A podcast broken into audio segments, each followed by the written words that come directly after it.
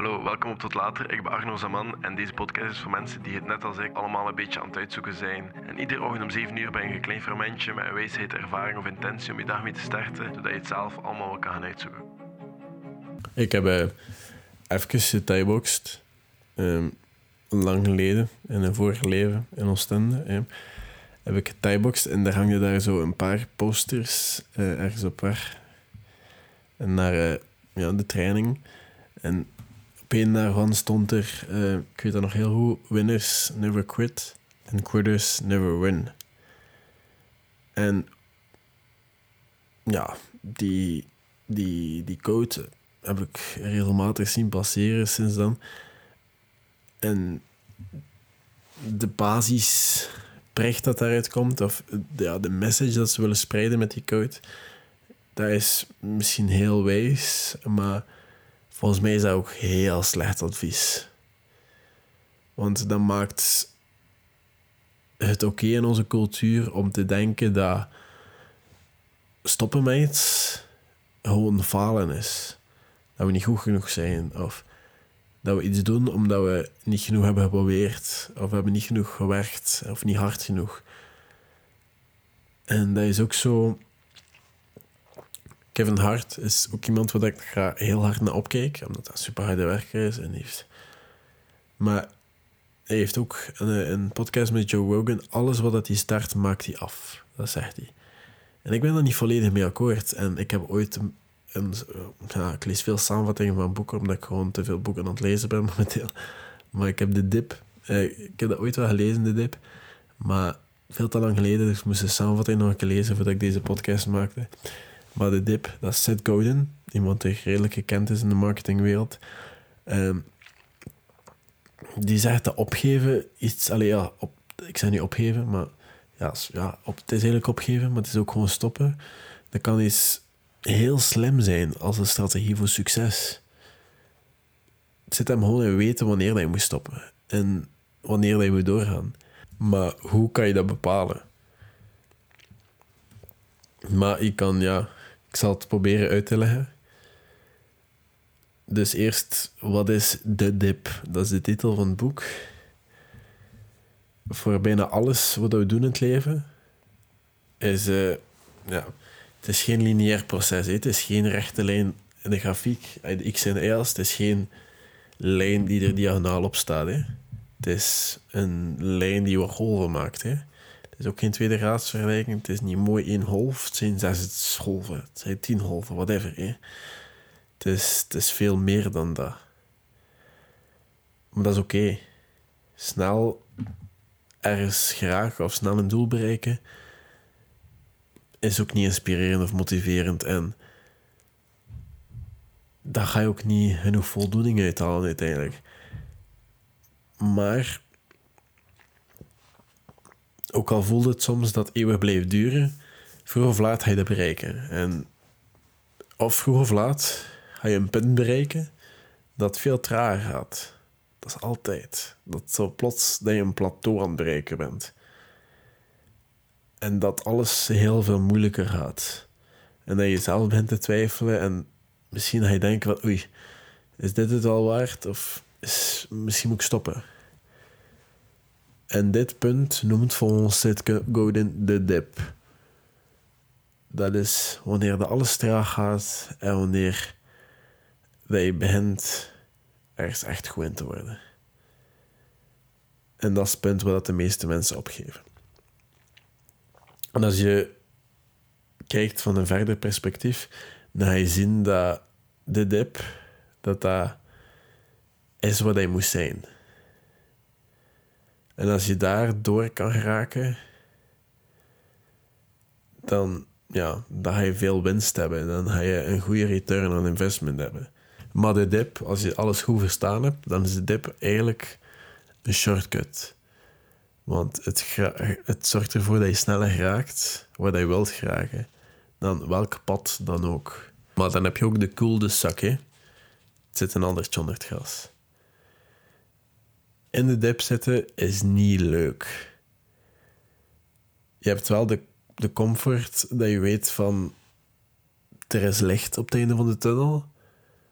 En zolang dat je het ziet als een challenge en blijft je strategie veranderen naar gelang en ziet dat werkt, zodat je erdoor raakt. Maar er is ook een andere situatie, hè? en dat is veel gevaarlijker. En dat is de koel de zak.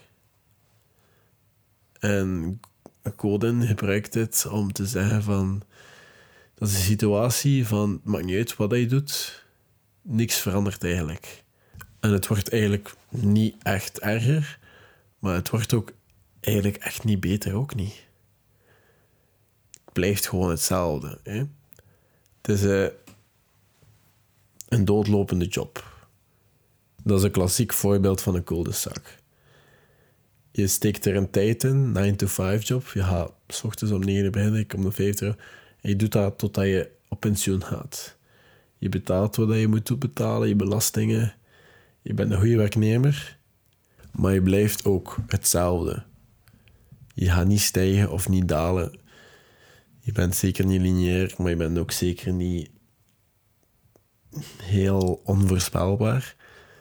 Je bent gewoon gelijk. En dan bij hooggemiddeld. En wat dat gevaarlijkste is aan de Cool de Sac, volgens Sid Godin, is dat het heel comfortabel is om erin te zitten.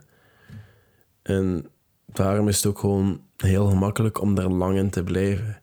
Veel langer dan dat je zou kunnen. Of erger, dat je niet realiseert dat je in de koelde zak zit in de eerste plaats.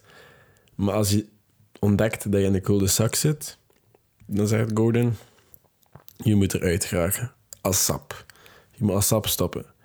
Want totdat je stopt, gaat de koelde zak je volledig gebruiken dan ga je tijd gebruiken dat je eigenlijk kan investeren in iets anders. Of in een, een heel ander ding dat je graag doet, waar je wel progressie in kan maken. En hoe weet je wanneer je moet stoppen? Uh, wel, de dip en de koelde zak zijn volgens mij redelijk simpele concepten. Maar ze kunnen veel moeilijker zijn om toe te passen.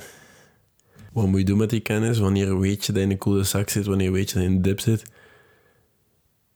wanneer moet je stoppen? En hier zijn een paar ideeën van die dip het boek dat je kan helpen. Zie stoppen met iets als een strategie. Hè? Van, die, van die coaches zijn never quit, never quit. Uh, ja, ik weet niet. Zou je moeten stoppen met je, in je bed te pissen? Waarschijnlijk wel, hè. Dus dan nooit stoppen, nooit opgeven er zijn dingen dat je beter wel op heeft. Of bijvoorbeeld die job dat je hebt, de, uh, dat je werkt in de Burger King. Zou je dan moeten stoppen? Meestal wel, hè. Ik geloof er zeker in dat sommige mensen dat graag doen. Maar je zou bijvoorbeeld ook stoppen met een product dat nu onnoods... Allee, een product te verkopen dat nu onnoodzakelijk is, hè als, de nu, als dat niet meer marktconform is, als de markt dat gewoon niet meer wilt, ga je als bedrijf niet nog altijd een product blijven produceren. Nee, daar ga je geen winst, daar ga je gewoon niks opleveren. Sommige dingen moet je stoppen. En om te weten wanneer dat je moet stoppen, moet je eerst accepteren dat stoppen een strategie is en geen falen. Dan maakt je geen slecht persoon, dan maakt je geen faal, dan maakt je merendeel een slim mens die probeert zijn tijd en energie te besparen en niet te verspillen. Ik heb de hik, excuseer. Uh, maar stop met denken dat stoppen met iets, dat dat falen is. Zie dat als een pad naar succes. Hè? Of hoe dat je het wilt zien, maakt mij niet uit. Maar het is natuurlijk ook geen toelating om alles te stoppen. Hè? het is eigenlijk beter om gewoon de volgende situaties te stoppen. Je bent in de dip, maar je hebt geen tijd of ja, middelen of motivatie om eruit te raken. Of je bent in de koelde zak. Dat zijn de enige twee situaties dat je mag stoppen. Stoppen voordat je start. Het kan duidelijk zijn om te stoppen in het midden van de dip wanneer dat je beseft dat, dat, dat je gewoon er niet genoeg voor geeft om door te gaan, dat het gewoon niet zoveel uitmaakt voor jou, en dat is oké. Maar als je weet dat dat gaat gebeuren, is het beter om te beseffen voordat je de dip doet. Om te stoppen. En misschien is het zelfs nog beter voordat je eraan begint, dat je weet dat het niet voor jou is. Maar ik denk dat dat bij veel dingen is dat je niet weet voordat je het doet, dat dat wel iets voor jou is. Maar eigenlijk, ideaal zou zijn dat je voordat je iets probeert, dat je weet dat je tot het einde kan doorgaan. Want anders, al de tijd dat je voor de dip en tijdens de dip spendeert, is verloren energie en tijd. Maar het leven is jammer genoeg geen theorie. Maar als je, niet, als je denkt dat je niet kan bereiken, dat je niet door de dip kan geraken, probeer het niet eens. Ga ik, allee, klinkt nu heel demotiverend, maar spaar de moeite voor iets dat je wel graag doet en voor iets dat je wel denkt het einde te bereiken. Daarin wil ik graag investeren, maar niet in iemand dat twijfelt of denkt dat die er niet gaat geraken.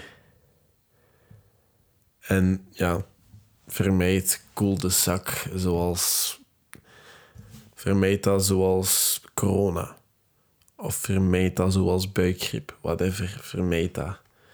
Niemand wil koelde zak. En ja, er zijn zoveel klassieke voorbeelden daarvan. En ik denk dat dat goed is voor niks.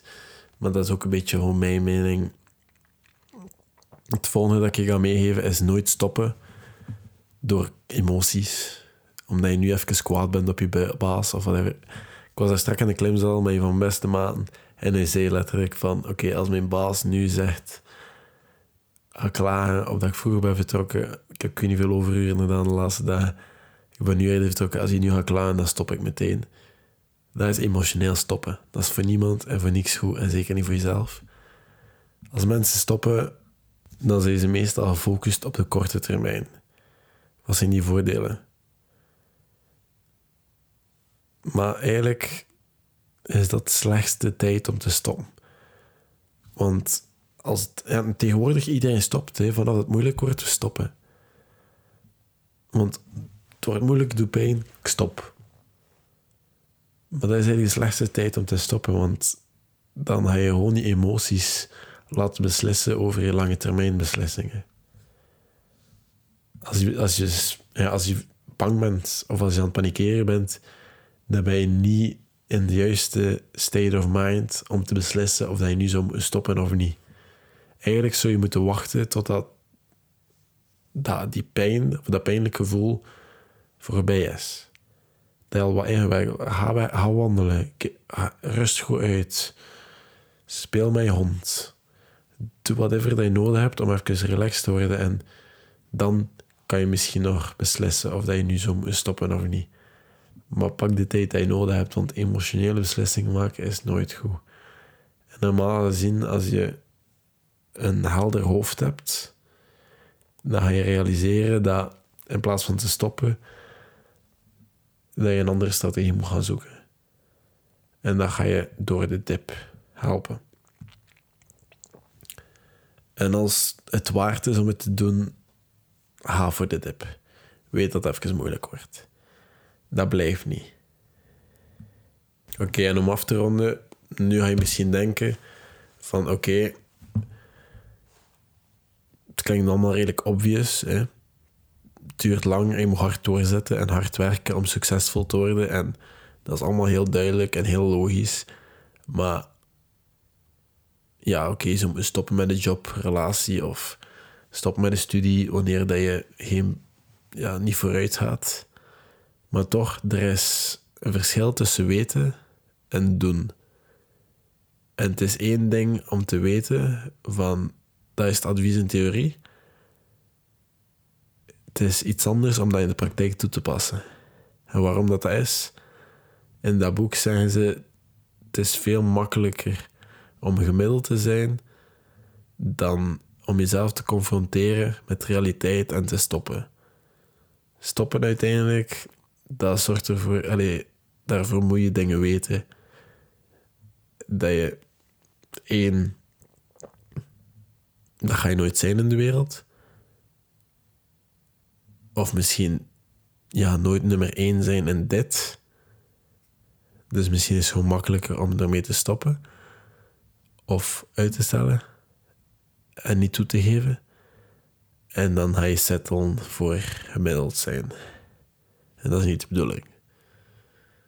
Maar nu heb je naar die podcast geluisterd. En ik hoop eigenlijk dat er veel mensen niet gewoon gemiddeld zijn. En dat ze een beetje kunnen doen wat ze willen. En je kan dat ook gewoon doen met simpel te leven en te doen wat je wilt. En je eigen prioriteit te stellen. En ik hoop dat je dingen gaat uitzoeken. En dat je iets gaat vinden waar je goed in kan worden. En dat je misschien zelfs de beste in kan worden. En dat je de dip kan doorstaan. En eigenlijk kan je wachten. Totdat je misschien deze podcast doorstuurt. Of mij over tien jaar een berichtje stuurt van... Hey yo, weet je, je hebt dat ooit een keer gezegd, hè? En dan zien we elkaar misschien aan de andere kant, want ik ben daar ook nog niet. Tot later.